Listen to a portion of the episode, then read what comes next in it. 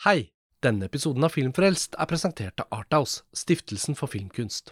I snart 30 år har Arthouse håndplukket fantastiske filmer fra hele verden som vi får se på kino her hjemme i Norge. Filmer som Celine Siammas Portrett av en kvinne i flammer, Maren Ades Min pappa Tony Erdmann og Thomas Winterbergs Et glass til.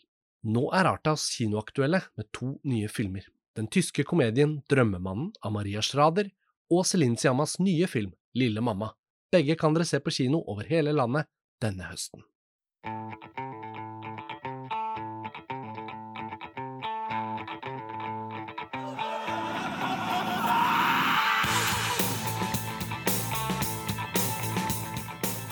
Hei og velkommen til en ny episode av Filmfrelst, podkasten fra filmtidsskriftet montasj.no. Mitt navn er Karsten Meinick, og i dag så har vi gleden av å presentere en eh, samtale med den norske regissøren Unni Straume. Unni Straume er aktuell med et retrospektiv på Cinemateket i Oslo nå i november. Og da har jeg bare den store gleden av å ønske deg velkommen til podkasten vår, Unni. Tusen takk. Bare hyggelig. Det retrospektivet føltes som en gyllen anledning til å trekke dine filmer opp i samtale igjen. Og jeg forventer og regner med at mange av de som hører på Filmfrelst, kanskje ikke har sett alle. Og for de som ikke har sett noen, så er det en utrolig fin anledning også fordi filmene vises fra filmrull.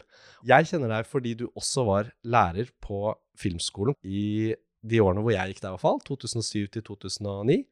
Og mm, jeg opplevde at din undervisning hadde en veldig sånn inspirerende effekt på de som gikk på regi. Og i ettertid så har jeg også tenkt at det har vært en fin anledning til å trekke inn dine filmer når man snakker om det balansepunktet mellom såkalt filmkunst og såkalt kommersiell film, og hele den konstante diskusjonen i Norge er liksom Skal vi lage filmer for et publikum, eller er ikke alle filmer for et publikum? Skal det måles etter størrelse? Det, altså det er mange sånne ting. Så jeg håper og tror vi sikkert kommer inn på det også. Men for mange år siden så er også jeg involvert med å kuratere filmer til strømmetjenesten Mubi. Og da husker jeg at vi fikk lov av deg til å vise dine filmer digitalt. Men vi har ikke hatt deg her på podkasten før, så det var endelig en fin anledning. Det var min lille intro, da. Um, Unni, du bor jo til vanlig i Italia, så er du hjemme i Norge nå for retrospektivet. Hvordan er det å liksom komme til Norge høsten 2021? innstille deg på disse visningene av filmene dine? Hva, hvilke tanker gjør du deg nå? Først og fremst så er det jo utrolig å komme til et såkalt covid-fritt eh, land. Når man bor i et land hvor det er veldig strenge restriksjoner og har vært hele tiden. Mm. Og, men jeg er jo ofte i Norge, jeg, da. Så det er ikke det at jeg ikke bor i Norge. Jeg er jeg deler meg mellom Norge og Du har to hjem? Ja. ja. Jo, jeg syns jo det er veldig stas at de viser filmene mine på Cinemateket.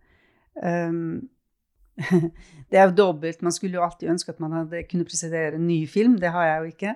Uh, men det kan være godt å hegne om de gamle filmene også litt, og trekke de frem igjen.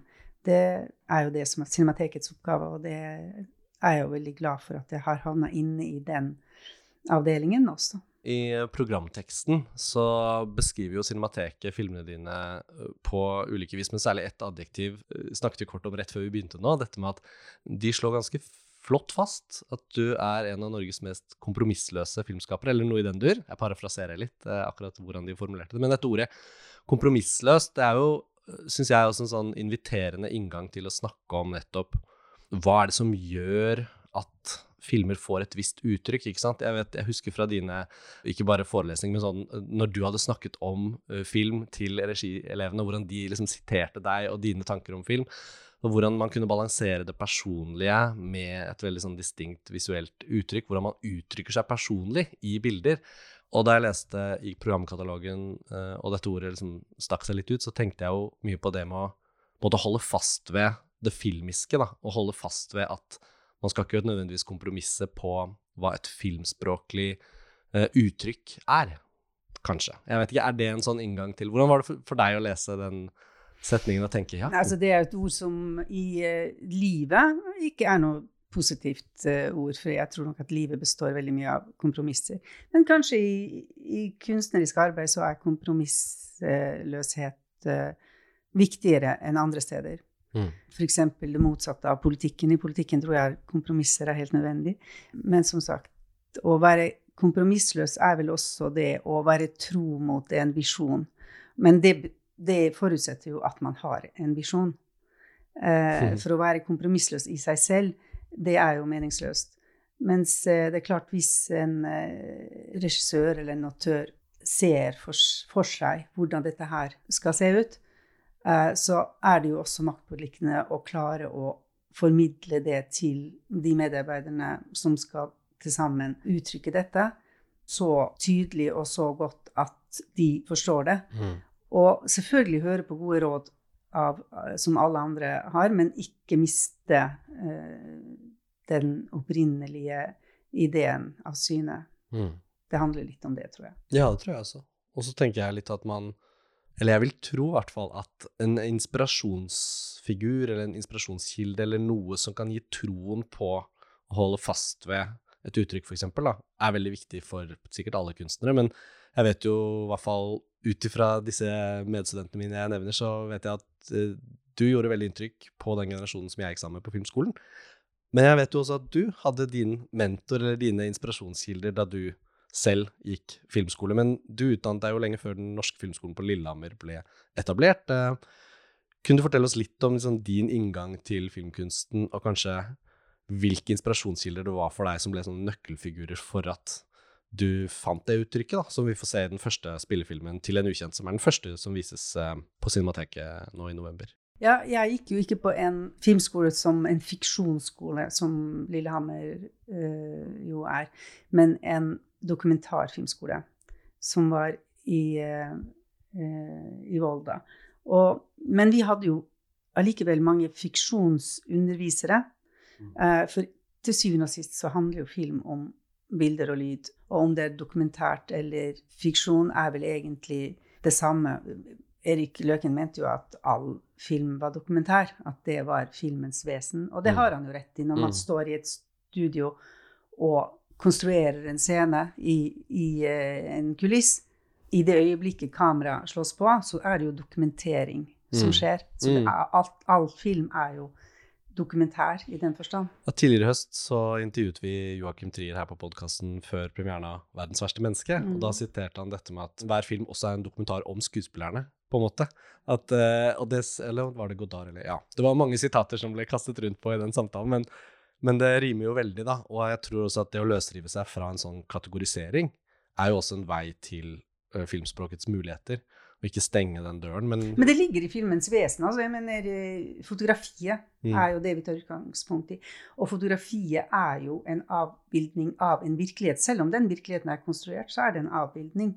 Eh, en dokumentasjon, kan Mm. du si. mm, Og og det, I motsetning til teatret, som er absolutt konstruksjon, i den forstand at den er også samtidig. Slik at det er jo ikke dokumentering. Det er jo hver enkelt dokumenterer på sin mm, For samtidigheten er jo det store, den store forskjellen, da. mm. Mens eh, filmen går via dokumenteringen til før den kommer til publikum. Og der i Volda, da du gikk på den skolen, det ledet jo naturlig nok til at de første kortfilmene dine var dokumentarer, hvis ikke jeg husker Mm. feil. Og så um, etter det Dette er jo da Når var det 'Til en ukjent' eh, kom igjen? Var det 19... 1990. Altså, Så jeg hvordan- jobbet i hvordan ti var år det? jeg, med, med dokumentarfilm. Og det var jo min inspirasjons uh, la- viktigste mentor den gangen, var jo Erik Løken. Han lagde jo også mye dokumentar. For han, også, han så jo ikke denne store forskjellen. Nei, man glemmer kanskje litt det at han også har laget mye dokumentarfilm. Mm. Snakkes jo nesten bare om jakten og motforestillingen. Ja, nei, han lagde mye dokumentar, og særlig den tiden det var oppdragsfilm. Mm. Det var jo før TV-mediets store innrykk, så de brukte jo mye oppdragsfilm på kino, ikke sant? Så du, altså, hvordan var de årene der med dokumentarfilm? Der kan du savne det noen ganger? At du Ja, å ja. Men jeg føler ikke at det er så langt fra det uansett. Og, og min første spillefilm, altså 'Til en ukjent', har jo veldig mye av dokumentaren i seg. Jeg husker eh, Stefan Jarl var på en visning i Sverige, tror jeg, hvor han reiste og sa dette er en av de beste dokumentarene jeg har sett. Ja, men ser du. Så han opplevde den som en dokumentarfilm. Ja, Mm. Spennende.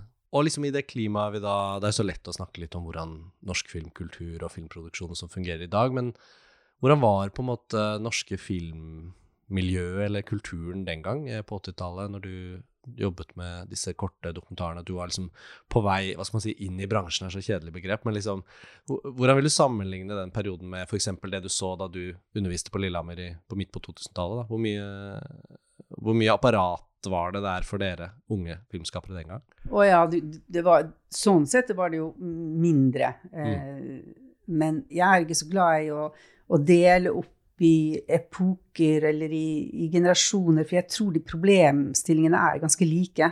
Ja. Det er egentlig bare litt sånn kulturell setting, litt uh, ulike tekniske muligheter og sånn.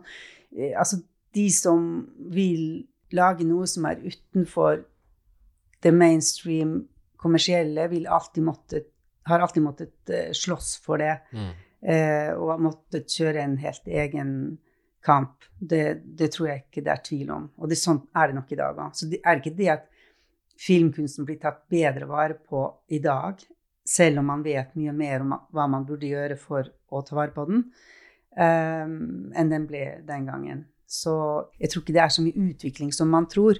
Nei. Mm. Jeg tenker jo at uh, det, er veldig, det, er veldig, lett Jeg tar meg selv i det òg, særlig når du kommenterer det. da, At man, man, ser sånne epoker og deler opp og tenker i generasjoner og sånn. Men det er jo klart at den ubrutte flyten da, av uh, utvikling innen norsk film, hvis man kan si det sånn, som går fra en viss type produksjon og noen rammer ikke sant? Det henvises jo stadig til Norsk Film AS. Nå er det jo 20 år siden det ble nedlagt, men det var jo et statseid selskap som sikret iallfall én viss type film. Og, uh, og, så var det dette akutte savnet konstant. Og samtalen husker jeg til meg selv fra da jeg var tenåring og liksom så vidt begynte å lese om film på 90-tallet.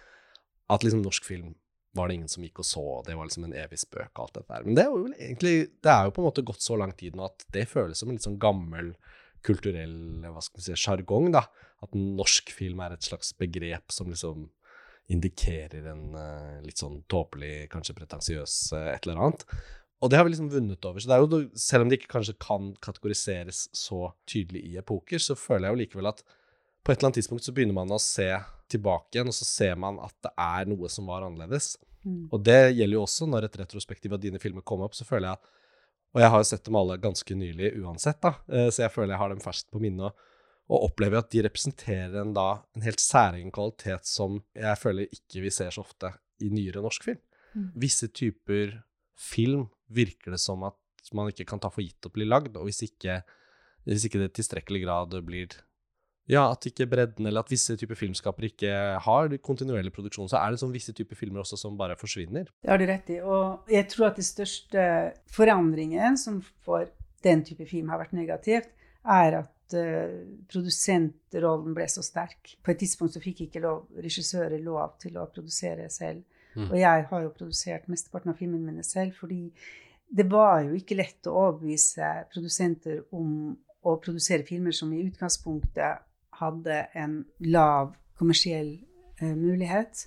Og jeg tror vel også at dette kravet til egenkapitalen og alt det der har mm. gjort eh, vanskeligere og vanskeligere mm. å drive med det jeg egentlig mener at jeg har vært mest opptatt av, og det er filmforskning at jeg har hatt lyst til å utfordre selve filmmediet. Og da er det jo klart at man kan ikke eh, jobbe med å, å, sende inn søknader på prosjekter hvor de som leser det, kan se det for seg. Da må det jo lages for at man skal kunne realisere det, kunne se det. Mm. Fordi det er jo ofte ting man ikke har sett før. Mm. Så det er vanskeligere å beskrive hvordan det vil bli, enn hvis man bare sender inn en god historie som de som leser manuset får tårer i øynene av. Basert på en bok de allerede har lest? ja, f.eks. Det er klart lettere å overbevise med den type prosjekter. Ja, bare kort digresjon. Jeg hørte en podkast under pandemien om den ungarske forskeren som til slutt kom frem til dette mRNA-teknologien som har blitt brukt i vaksine til mm. Moderna og Pfizer, og hvordan hun beskrev sin 30-årige reise i forskningsinstitusjonenes verden. Aldri blitt trodd, aldri fått støtte, aldri gitt opp håpet. Fortsatte og fortsatte og fortsatte. Og til slutt, over en kaffemaskin eller kopimaskin, eller hun, det er en veldig søt anekdote, så møter hun en person som akkurat lytter nok, akkurat er åpen nok, mm. og som sitter da i posisjon i et eller annet medisinsk firma altså et eller annet sted, til å si ja, men kan ikke du komme og jobbe for oss litt, jeg er spent på å høre litt mer om dette. Mm. Hun kunne ikke på en måte vise til noe, men hun hadde en teori, og hvis den teorien stemmer, altså hvis den lille skissen da, over en visjon kan bli det man tror den blir, eh, så må man ha litt tro, uten å liksom ha så konkrete beviser i bunn.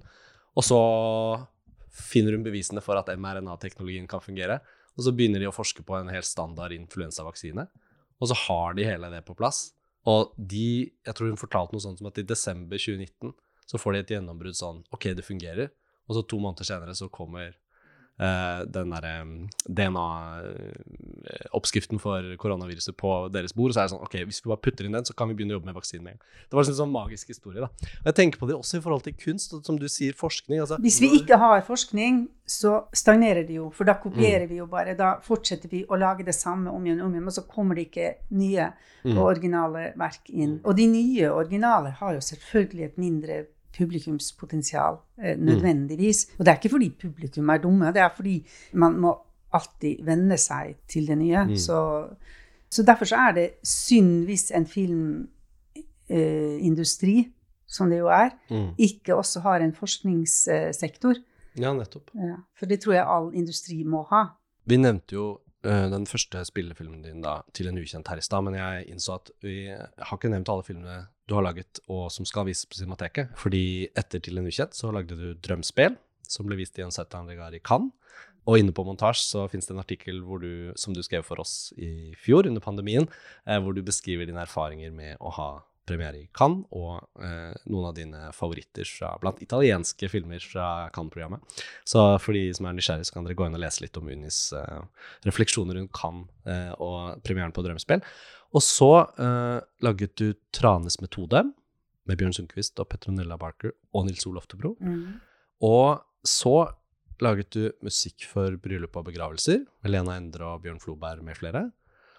Og så kom din foreløpig siste kinofilm, som heter Remake Me, som for meg var det vi nå beskrev. En av de sjeldne tilfellene, og nå blir det sikkert litt sånn rart å få mye skryt fra meg, men jeg, jeg, jeg kommer fortsatt ikke på en annen film, på, i hvert fall ikke på 2010-tallet, norsk film, som i så stor grad har representert en absolutt ny måte å egentlig være en film på, men også særlig dette med den selvrefleksive, essayistiske stilen, da, hvor du i den filmen i praksis tar i bruk alle dine andre filmer til å diskutere både, opplever jeg iallfall, din egen posisjon som kunstner, ditt forhold til din filmografi, men også et veldig sånn spennende dokumentarisk filmspråk. Så det er en slags retur egentlig til dokumentaren igjen, da, føles det som, hvor du i den filmen også klipper filmene dine sammen til den filmen vi ser, og vi får på en måte flere virkelighetsplan, men egentlig også flere assosiative tankereiser, da, som du på en måte tar oss inn i i den filmen. Så jeg syns Remake Me er en sånn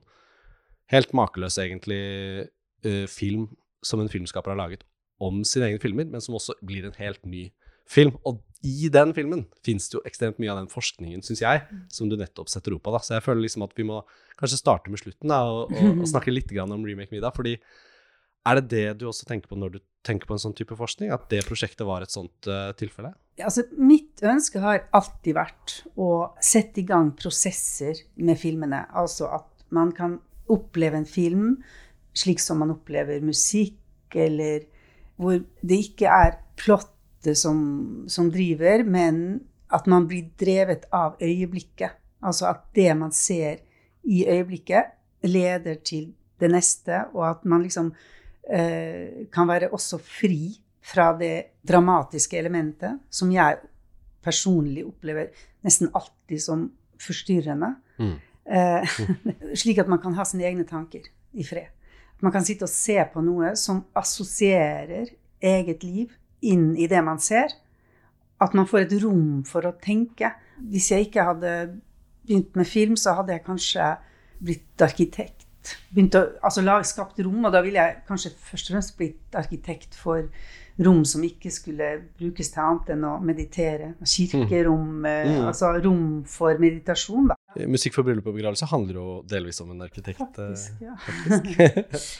Um, men å skape et rom hvor publikum kan være i med sitt eget liv og med sine egne tanker, og inspirere de til å tenke og reflektere over sine egne rom, da. Det er de filmene jeg liker best å se. Eh, jeg husker første gangen jeg eh, så kanskje Speil, var den gangen jeg virkelig følte at jeg var i et rom hvor jeg kunne få være i fred og bli bare inspirert av Som i et slags ja, et utstillingslokale, i en konsert. For musikk er også sånn at du, du sitter jo ikke og tenker på hva som skal komme, du er der i øyeblikket. Og samtidig så kan du også ha dine egne bilder i fred. Mm. Ja. Mm. Er det ikke et Andrej Tarkovskij-retrospektiv på Cinemateket nå i november? Jo, det er Samtidig med ditt? Ja. Og Erik Løken. Så hvordan, hvordan eh, Jeg vet jo at Tarkovskij har vært viktig for deg, og det, det vi er inne på nå, er jo egentlig også en hel, en hel forståelse av hva film i kinorommet særlig da, gir mulighet til. Altså, jeg, jeg er veldig trøtt av samtalen om, om strømming og sofakultur og pandemien og kinosalen og sånn, men det er vel ingen tvil for lytterne våre i hvert fall om at vi i Montasje og på Filmfrelst er veldig opptatt av kinokultur og kinorommet. Men um, det er også noe jeg tenker på når vi, når vi ser på liksom For nå plutselig står noen filmer ved siden av hverandre på basis av hvordan vi snakker. da, altså Hvis man ser for seg, hvis man har sett 'Speil' av Tarkovskij, Mm. og tar en sånn kort reise til det minnet man har om den filmen, så syns jeg ofte det er spennende å tenke på de filmene man husker hvor man ikke umiddelbart kan tenke på hvilken rekkefølge alt skjer i. Mm. Jeg syns det er spennende hvis man Jo, er husker noe fra en film. det betyr at man kan se Jeg ser slike filmer om igjen og om igjen. Og jeg ser nye ting hver gang. For det kommer an på hvordan jeg har det når jeg ser den. Mm. At filmen er så åpen at For den er fri andre- for dramaet, kan Nettopp. du si. da. Og dramaet kan jo være veldig altså Det tar jo veldig mye av eh, oppmerksomheten i en Mm. film. da. Når det gjelder det med kinorommet, ja, det er ikke kinorommet i seg selv heller. Jeg kan sitte og se en uh, Tarkovskij-film på computeren, jeg, og ha mer utbytte av det enn å gå og se eh, eh, James Bond på kino, liksom. ja. God film er bra uansett hvor det blir vist, det, altså. Mm. Men for å returnere til um, filmene dine spesifikt, så opplever jeg i hvert fall at det som skjer i løpet av Til en ukjent og Drømspill, er jo også at du egentlig i løpet av bare to filmer skaper en ganske sånn distinkt uh, signatur da, i filmspråket ditt. Sikkert inspirert av alt fra Tarkovskij og andre filmskapere du så opp til da du studerte og lette etter inspirasjonskilder. Jeg vet ikke hvordan du jobbet med de to første filmene, men de har i hvert fall en veldig sånn distinkt tone, og, og, og de, de er så billedsterke. Og da tenker jeg nesten er nesten enda mer synlig nå, eh, når det lages veldig mye, syns jeg, da, ganske sånn flat, digital, ikke utforskende film. Hvor bevisst forhold hadde du til det å liksom utvikle en stil eller en, en estetikk for dine filmer sånn i løpet av de par første filmene? Altså, jeg tror jo at form follows function, eh, i den forstand at eh, det lå jo veldig mye i det som skulle uttrykkes, og det var jo en poesibasert tekst. Men det visuelle uttrykket er jo veldig avhengig av det samarbeidet mellom Harald Pålgaard og meg, som Ja. startet med Til en ukjent. Fotografen. Han hadde jo gjort veldig, veldig annerledes eh, ting før, som Orions belte, Landstrykere, mm. og veldig annerledes filmer. Så vi jobba mye med å liksom finne hva er syntesen i dette. Og han er jo en lysets mester, da, og en filmpoet eh, som fotograf. Og vi fant hverandre i et poetisk landskap, Mm. rett og slett. Og han klarte å lese ting i mine tekster som skapte gjenklang i hans billedverden. Mm. Så det var et utrolig fint og litt ordløst samarbeid. Vi snakket ikke så mye, jeg og Harald. Det ble aldri gjort. Mm. Men vi visste ofte hva vi vi gikk i samme retning, da. Mm.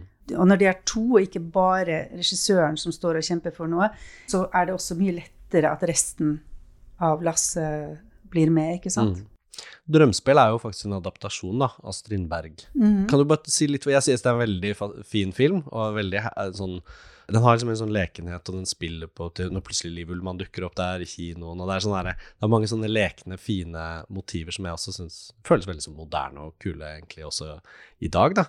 Eh, Kan du si litt om den utviklingen av det prosjektet, og liksom hvordan, hvilke rammer det ble laget i? Var det etter Til en ukjent sånn at du fikk mer på en måte, hva skal man si, oppmerksomhet? Å nei, det var en kamp. Skikkelig en kamp. Selv Bergman var jo skeptisk, mente jo at det ikke var mulig å lage film av den. Jeg hadde jo med noen av hans i anførsel skuespillere, og de sendte meg meldinger fra han om at dette har jeg forsøkt i 46 år, det er ikke mulig. Og så- Møtte du Bergman i den perioden? Nei, han, men jeg fikk beskjed Ja. via de, da. Og det kan jo hende han hadde rett. Det var jeg som var ung og, og uvitende. Men drømspillet gjorde veldig, veldig inntrykk eh, på meg når jeg leste det. Mm. Og jeg har alltid vært opptatt av drømmer. Og det var helt utrolig. Det, dette er en digresjon. Jeg var rydda i barndomshjemmet i sommer og lagt det for salg. Så fant jeg mine gamle stilbøker Mm. fra folkeskolen. Og da er det én stil som jeg bare, hvor jeg skulle skrive om noe jeg samler på. Og da skriver jeg at jeg samler på drømmer, og at jeg tror jeg kommer til å bruke det til noe i yrkeslivet mitt. Og det er veldig morsomt. da var jeg 13 år. Ja, men absolutt en veldig relevant liten digresjon. Ja, så jeg tror at drømmer har alltid mm. inspirert meg, fordi jeg opplever at drømmer er jo også veldig reelle. Eh, det er jo en kanskje mer opptatt av dagdrømmen enn av den nattlige drømmen. Men dagdrømmen i seg selv mm. har vært et veldig viktig univers for meg. Eh, det kommer sikkert av uh, å være oppvokst på landsbygda på, ved en fjord hvor det er lange kvelder og mye tid til å bare drømme mm. seg bort. Eh, det er nok ikke så lett for ungdommer i dag å drømme seg bort. De har uh, konstant uh, Noe som skjer, ja. Som skjer, ja. Mm. Så dette å ikke ha alle de impulsene gjør at man må aktivere drømme eller fantasien i mye større grad. Da. Og Det er jo noe av det rommet du også beskrev i stad, som du ønsker deg at filmer skal kunne skape. Uh, mm. Apropos det med, ja. med om man har på en måte stillhet eller hva skal vi si, ikke fylt opp tid rundt seg ja. til på en måte å fylle ja. det med en drøm. Og det, Man må komme i posisjon til det. Mm. Og det er veldig viktig. For meg har det alltid vært viktig å Altså, jeg tror ikke Jeg kan ikke å, å regissere, egentlig. Jeg kan ikke å lage film. Men jeg vet noe om hvordan jeg kan komme i posisjon til å gjøre det likevel.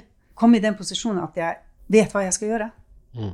Og det handler om å nettopp skape det rommet rundt den ideen man har, og skape det kreative rommet som gjør at man er i posisjon til å vite nøyaktig der skal det være. Jeg tror jeg, vært, jeg er ganske god på å vite nøyaktig hva jeg skal, når jeg er i riktig posisjon. Mm. Men jeg kan ikke gå inn på et sett og vite hva jeg skal si til verken stav eller skuespiller hvis jeg ikke har skapt meg den situasjonen. da. Så jeg er nok mm. ikke noen oppdragsregissør på noen måte. Er det en sånn refleksjon du tenker det er lettere å slå fast nå, eller har du alltid visst det, på en måte, eller hvordan eh, har det Nei, Det var jo lenge jeg tenkte at jeg er helt udugelig, at jeg ikke, dette kan jeg ikke. For jeg har alltid uh, tvilt på filmregi som en profesjon. Altså, jeg vet jo mye om teknikken rundt det, det er ikke ja. det, men Nei. hvis du har noe du vil fortelle, så er det jo på en måte bare én måte å fortelle det for at det ikke skal bli noe helt annet. Mm. Og da er du jo nødt til å gå inn og gjøre det så nært det du, indre bildet du har av det du skal fortelle. For det er vel det den visjonen er. Det er et indre bilde du har av det du vil skal komme på lerretet. Mm. Og for å komme dit, så må du klare å kommunisere til alle slik at det blir sånn. Men hvis du ikke har den indre visjonen, så tror jeg man kan gå seg veldig vill jeg ville gått meg veldig vill. Men tror du det var noe av det du følte da, med drømmespill? At du hadde, du hadde dette forholdet til drømmer nødvendigvis, både intuitivt og på en måte artikulert fra ungdommen av. Men liksom, hvis eh, det kommer sånne små meldinger fra Sverige da, om at drømmespill lar seg ikke filmatisere, kanskje, eller, men så gjør du det jo likevel. Altså, hvis vi returnerer til det, da, hva, hva var det? Var det denne troen på at du visste hvordan det kunne bli film, som bare gjorde at du kunne stake ut den veien, eller? Jeg hadde jo sett drømmespill på teater, ja. og jeg følte at det var mer film enn teater. Jeg tenkte at Strindberg hadde kommet til å lage dette som film hvis filmen hadde vært aktuell den gangen. Mm, mm. Fordi filmen egner seg jo bedre enn teatret for nettopp drømmer, da. Mm. Eh, også fordi du kan leke med lyd. Du kan ta bort lyd, f.eks., som på scenen er veldig vanskelig å ta bort. Du kan legge til, men du kan ikke ta bort. Du, de hopper rundt på scenen og tramper og går. Det er veldig vanskelig å fjerne lyd. Og det er jo også noe som er veldig, veldig fint element å, å, å leke med i drømmesekvenser, da. Så det er veldig mye i billedbeskrivelsene hans som jeg syns hørte mer hjemme på lerretet enn på teatret. Så det, det, var jo min, kan du si, mitt premiss og min påstand, da. Og så ville jeg jo gjerne prøve det. Men det var jo altså Først så skulle de jo gjøre det på norsk film, og så trakk de seg mm. bort. Og så fikk jeg støtte i Sverige først. Det var fra Svenska Filminstituttet. Niklas Rådstrøm. Han likte prosjektet veldig godt og manuset, og han ga den første støtten. Og da ble det litt lettere å komme tilbake til Norge og få støtte. Mm. Du sa det der med norsk film eh, at det ble sett på som Altså de ikke hadde noe høy status. Men det er Norge som nordmenn og no, det norske som har fått øket status de siste 20-30 årene. Mm. Det gjaldt alt, bortsett fra sport. Mm. Eh, eh, så var det liksom det norske litt Vi, vi hadde ikke så veldig, veldig eh, eh, tro på oss selv, da. Og eh, nå har, kanskje, nå har vi kanskje for mye tro på seg. Eh, sett litt utenfra. Alt får en konsekvens ulike faser man er i som nasjon. Ja, det er, det er, det er et ganske mettet uh, Norge i 2021 som, uh, Ja, som og vi er jo oss selv nok. Altså, eh, Ibsen har aldri hatt mer rett enn nå, da. Nei, det er sant. At vi er oss selv nok i veldig stor grad. Men så Drømmespill får jo til slutt Ja, så er det 1994 i Cannes den har premiere.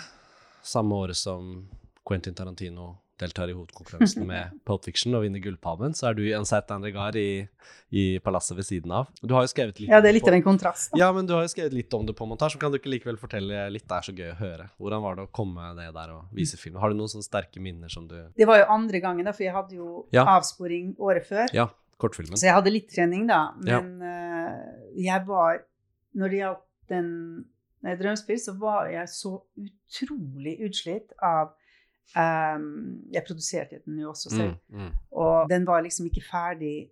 Jeg, jeg kom liksom med filmen under armen til Cannes. Altså bokstavelig talt. Ja, ja. Dere hadde bar med, altså, med, ja. For den var ikke ferdig fra laben, for vi sleit med Det var sort-hvitt, så vi sleit Ja. veldig Det var laboratoriet i Paris, og vi sleit veldig mye med selve den tekniske arbeidet. Så jeg var så utslitt at uh, den er nesten som en, bare som et mareritt. Eller jeg husker at jeg var der, og at jeg var i masse intervjuer, og at eh, eh, det gikk sin gang. Men jeg var på en måte absent uh, hele veien, så jeg var helt utslitt. Men jeg har hørt flere som sagt at man får liksom ikke den fulle gleden av sånne ting fordi man rett og slett er spent og sliten når Mm. man kommer til det. Men Mm. herregud, det er jo stas, da. Men Mm. jeg syns jo faktisk det var mye mer stas, eh, og hadde mye, mye større glede og utbytte av det eh, med avsporing, da. Så um, snakket vi også om at både Tranes metode og Musikk for bryllup og begravelser vises på Cinemateket nå. Begge de også, fra 35 mm kopier. Så der er det jo da også en adaptasjon, er det ikke det? Er det Øystein Lønn Det er Øystein Lønn. Ja, jeg tror jeg var den første Under Streimer-filmen jeg så, for den så jeg liksom da den kom. Og det var en sånn periode hvor jeg var akkurat liksom begynt å bli nysgjerrig på bare å se film på kino, som gikk på kino. Og så kom det jo en del bra norske filmer der i den andre halvdelen av 90-tallet. Mm. Så jeg fikk jo egentlig inntrykk av at det var mye bra norsk film. Ja. Insomnia, Budbringeren, Tranens metode, Kjærlighetens kjøtere, Eggs og, og sånt fra Bent Hamer. Så det var jo veldig mye bra film, og de var jo også anerkjente rundt omkring. Og jeg føler liksom at da var det også en periode med noen skuespillere, da. Blant annet Bjørn Sundquist, som både er i Kjærlighetens kjøtere og i Tranens metode. Og Den har jo også et sånt veldig sånt vakkert poetisk spill på sånn romfølelse, selv om det er veldig små Det er jo ikke noen sånn stor episk fortelling, det er jo nesten som et kammer, kammerspill, kammerdrama. Um, den er veldig stemningsfull òg, så jeg føler liksom at det er en film kanskje man glemmer litt å snakke om når vi snakker om dine filmer. da. Det er lett å snakke om de par første, og så, og så Remake Me, som jeg syns er intellektuelt så interessant å diskutere. da, Men egentlig syns jeg jo, husker jo Tranes metode som en film som gjorde, gjorde veldig inntrykk. Den er jo også veldig lade, den er jo veldig erotisk film også, i sine spenninger og Mm. mer enn kanskje de andre. Eh, hva var det med boka til Øystein Lønn som gjorde at du oh, jeg syns det er en veldig, var en veldig intrikat uh, fortelling, uh, som jeg egentlig aldri helt uh, forsto. Men den inspirerte meg til å få vite mer om det, sette i scene disse uh, rare situasjonene. For at det er jo ikke en typisk realist, helt realistisk film, det heller. Nei.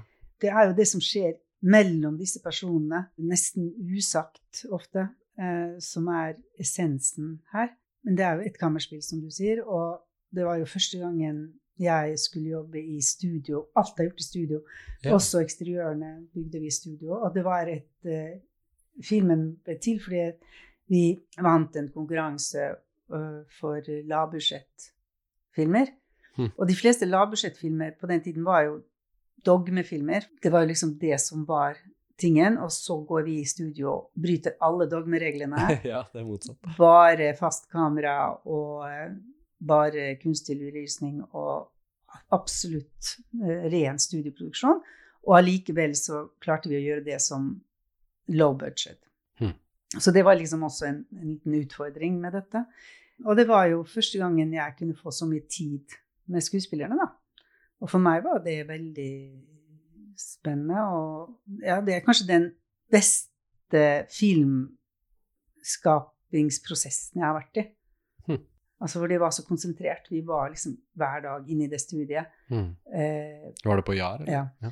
Og det var få mennesker, og vi kunne liksom konsentrere oss om bare disse, denne relasjonen mellom disse to personene hele tida. Mm. Det var veldig god situasjon å være i, både for oss og skuespillerne, tror jeg. Det føler man. Det, det, det mener jeg liksom at jeg kan si at man kan føle fra filmen i den grad at man kan føle en sånn, ut, en sånn ro over skuespillprestasjonene. øh, Veldig minimalt med dialog, men når dialogen er der, så er den veldig treffende, poetisk, skarpe, fine setninger som Mm. likevel etterlater masse spørsmål.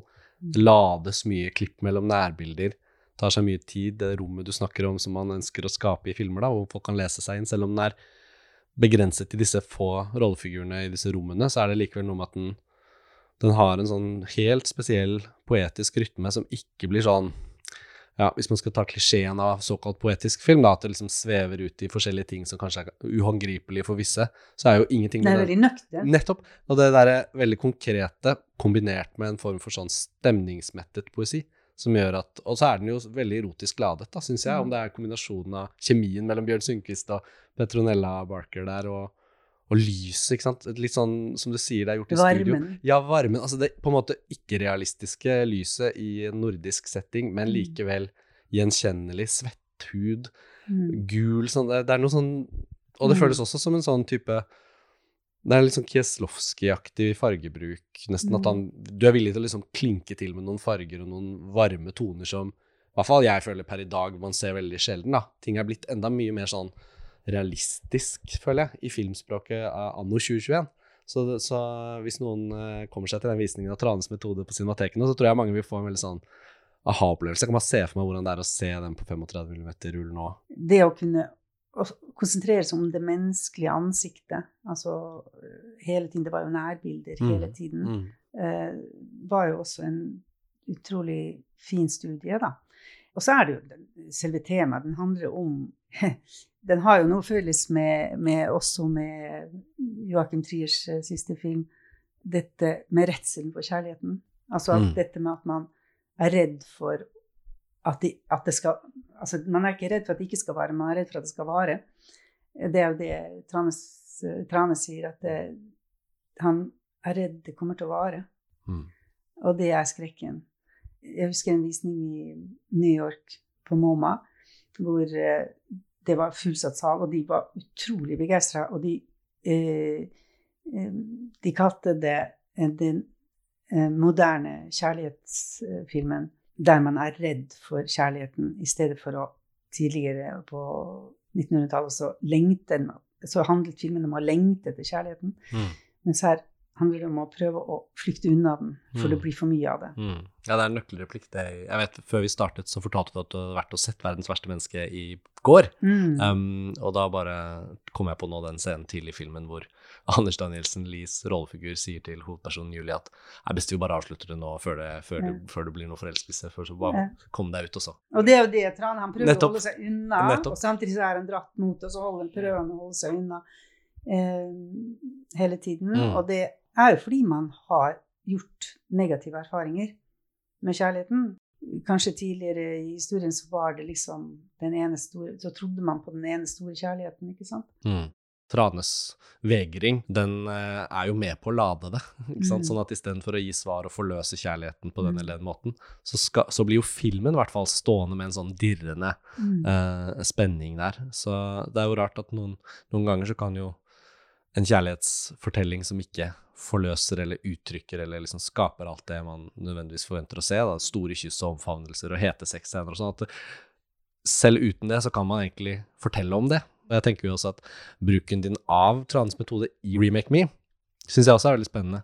Fordi sammen med Tom Remlov fra eh, Avsporing, kortfilmen, når han lener seg inntil eh, vinduet i toget eller T-banen der, og siden du da klipper mellom dine ulike filmer å på en måte kommentere på det, selv om ikke du har noe sånn voiceover som, som bryter veldig inn i Remake Me, så er det likevel en sånn diskusjon mellom filmene dine. Jeg synes det er utrolig sånn spennende parti der, hvor de scenene du bruker fra Tranes metode, er med på en måte å skape sånn ekko på tvers.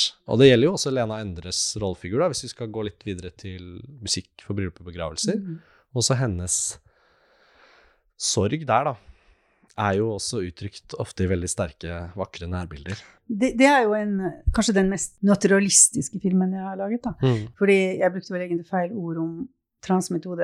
Den er jo realistisk. Altså alle filmene er realistiske, det har vi jo snakket om før, er Ja. jo dokumentert. Ja. Men naturalistisk er noe annet. Med musikk for bryllup og begravelser så kom jeg mye mer inn i det naturalistiske, også spillestilen da, og dialogen. Mm. Eh, så det var litt nytt for meg, da. Eh, Det er også en film jeg da har sett eh, for ikke så altfor mange år siden, og den så jeg den gangen da den kom. Og det rare med den også var jo at det er noe sånn gjennomarbeidet og spennende i da både rombruk for så vidt, men også liksom Apropos arkitektur, vi var inne på det tidligere, da. Nå blir det kanskje fordi jeg vet at han en rollefiguren er arkitekt, så tenker jeg på arkitekturen, men det blir nå engang sånn at det huset og de rommene og trappen husker jeg veldig sånn sterke inntrykk. Og også det veldig sånn åpne landskapet, bruken din av musikk, var det ikke han uh, Bregovic Uh, Og det var liksom nye elementer i denne filmen som kanskje ikke man hadde sett så mye av tidligere, og som ble veldig sånn uttrykksfullt.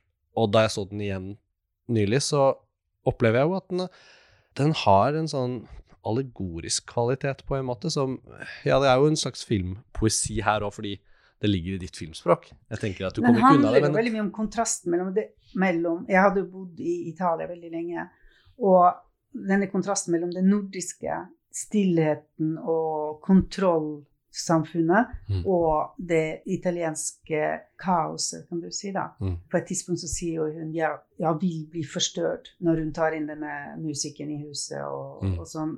Så det er en slags oppgjør også i meg med denne konflikten mellom hvorfor vil jeg bo i Italia, jeg som har en ekstremt behov for kontroll. Men kanskje nettopp derfor. Mm. At jeg må ut Italia Jeg måtte til Italia for å kunne leve, liksom. Det er en historie i den filmen hvor hun forteller om en flyreise, hvor hun var så glad for at hun fikk sitte på en rad helt for seg selv. Og så blir det en lynnedslag i flyet, og da gikk det opp for henne at jeg er alene. Jeg vil ikke dø alene. Og så da eh, kastet hun seg over til eh, eh, naboen på andre siden for å holde noen i hånda, liksom. Var det selvopplevd, eller? Ja. Ja. Mm. Vi har ikke snakket så mye om skriveprosessen din nødvendigvis, og det tenker jeg egentlig er litt interessant kanskje i, i dette eksempelet, da. At vi Mm. Det er lett å snakke om på en måte bildespråk og visualitet på film, fordi alle filmene dine inviterer til å snakke om det, men samtidig så har du jo også Kan du si noe om hvordan skrivingen av film fungerer for deg? Er det noen, har du noen metoder du bruker som, som liksom du er avhengig av at uh, skal være frie for, at du skal få gjort ditt, liksom, eller? Mm, ja, det var, eh, forandrer seg jo selvfølgelig fra film til film, og Ja. særlig de som er eh, basert på allerede tekst. Ja. De har jo en helt annen eh, metode. Mens eh, musikk for begravelser, der jobbet jeg nok litt mer klassisk med, å, med et synopsis, og så skrive meg fremover scene for scene ut ifra det. Mm, jeg liker jo veldig godt å unngå treatment, da. Mm. Jeg liker å gå inn i scenene og, og skrive de helt ut, da, kan du si. Mm. Eh, og så heller lage syntesen etterpå. Det er veldig ofte det begynner med en situasjon. Mm. Og utgangspunktet for den filmen var det dette dødsfallet, denne sorgen. For det er jo sånn, føles som en sånn nøkkeltematikk i filmen. Da. Var det, var det sånne, kan du ha sånne knagger på plass allerede før du skriver ut hele scener, eller er det mer sånn som kommer underveis, sånn som i dette tilfellet? Altså, det var jo å stille opp denne estetiske kravet som denne arkitekten hadde, Mm. ved at han ikke ville ha et rekkverk, fordi det er uestetisk, og så ender det med at hans eget barn faller ned Mm. og, og dør i den trappen.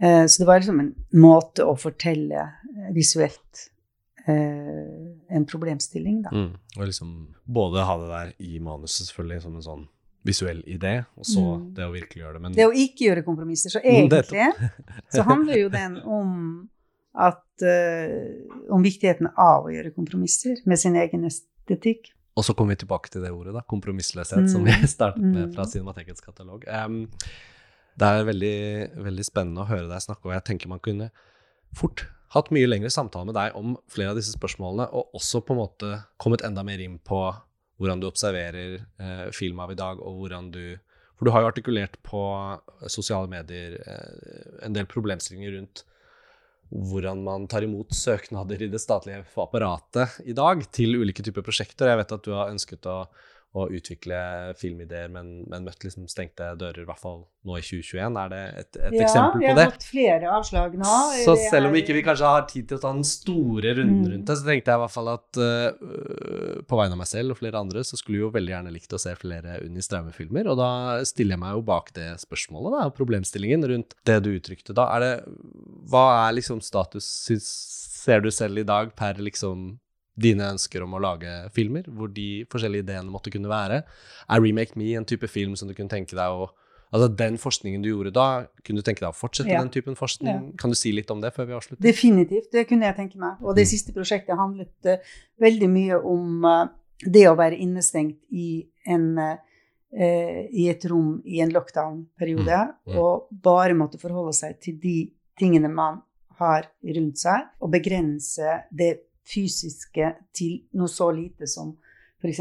et tre utenfor vinduet, eh, noen objekter, og så har man jo da selvfølgelig computeren Mm. og lages, måtte lage seg en virkelighet ut av en veldig begrenset eh, eh, fysisk rom, da. Mm. Det hadde jeg veldig lyst til å lage en film om på min måte. Men det, ja, altså avslaget handlet om at uh, det ikke var eh, bredt nok eller kommersielt nok eller noe sånt, og det syns jeg er en helt håpløs begrunnelse. Altså jeg, så jeg klagde, men så fikk jeg den samme en gang til. Så eh, for det første så kan man ikke skrive ut et helt sånt manus. Det er jo noe som må gjøres, men altså det er jo work in progress å lage en sånn film som det var også med Remake Me. Mm. Men den gangen jeg lagde Remake Me, så var det, og det, sånn har jeg hatt flaks noen ganger, da, da var det Stig eh, Andersen som var, og han hadde kikket på den Mm. ideen om å gjøre dette, han likte det. For der eller hadde jeg jo ikke noe, jeg kunne ikke vise noe særlig. Jeg måtte liksom forklare han hva jeg skulle gjøre. Mm. Eh, og det er jo sånn at man ikke eh, kan få den tilliten at man kan, kan eh, gå i gang når man har laget såpass mye film, at de burde tvile på at jeg skulle, Mm. ikke skulle komme ut med en film. Så i den ene delen av Norsk Filminstitutt så får eh, en ny Unni Straume-filmidé avslag på manusutviklingsstøtte, og i den andre delen av Filminstituttet så sitter Cinemateket og lager et retrospektiv over dine filmer. Det er noen av dagens paradokser. Det er jo ikke et enhetlig samfunn nei, og et diktatur, så det er jo greit at det, Det er selvfølgelig greit, men jeg syns i hvert fall det er en um, Vi kommer helt sikkert ikke til å slutte å, å ha samtaler rundt de problemstillingene, og jeg skriver under på det at om ikke vi har forskning, om ikke vi har filmkunstnere som er villige til å risikere ved å forske og strekke seg mot det de ikke helt kan artikulere i en søknad, eller noe som kanskje bare bildene i rett rekkefølge kan vise oss hva kan bli, så blir vi jo litt en fattigere filmkultur, da. Men uh, du har jo allerede laget filmer som forsker, og nå som de vises igjen på Cinemateket, så vil både gamle og nye publikummere kunne besøke filmene dine om igjen i kinorommet på Cinemateket i Oslo. Unni, tusen takk for at du ga tiden din her til oss, til podkasten. Og så håper jeg vi kan snakkes igjen ved en annen anledning i fremtiden. Ja. Håper jeg òg. Ha det bra. Ha det bra.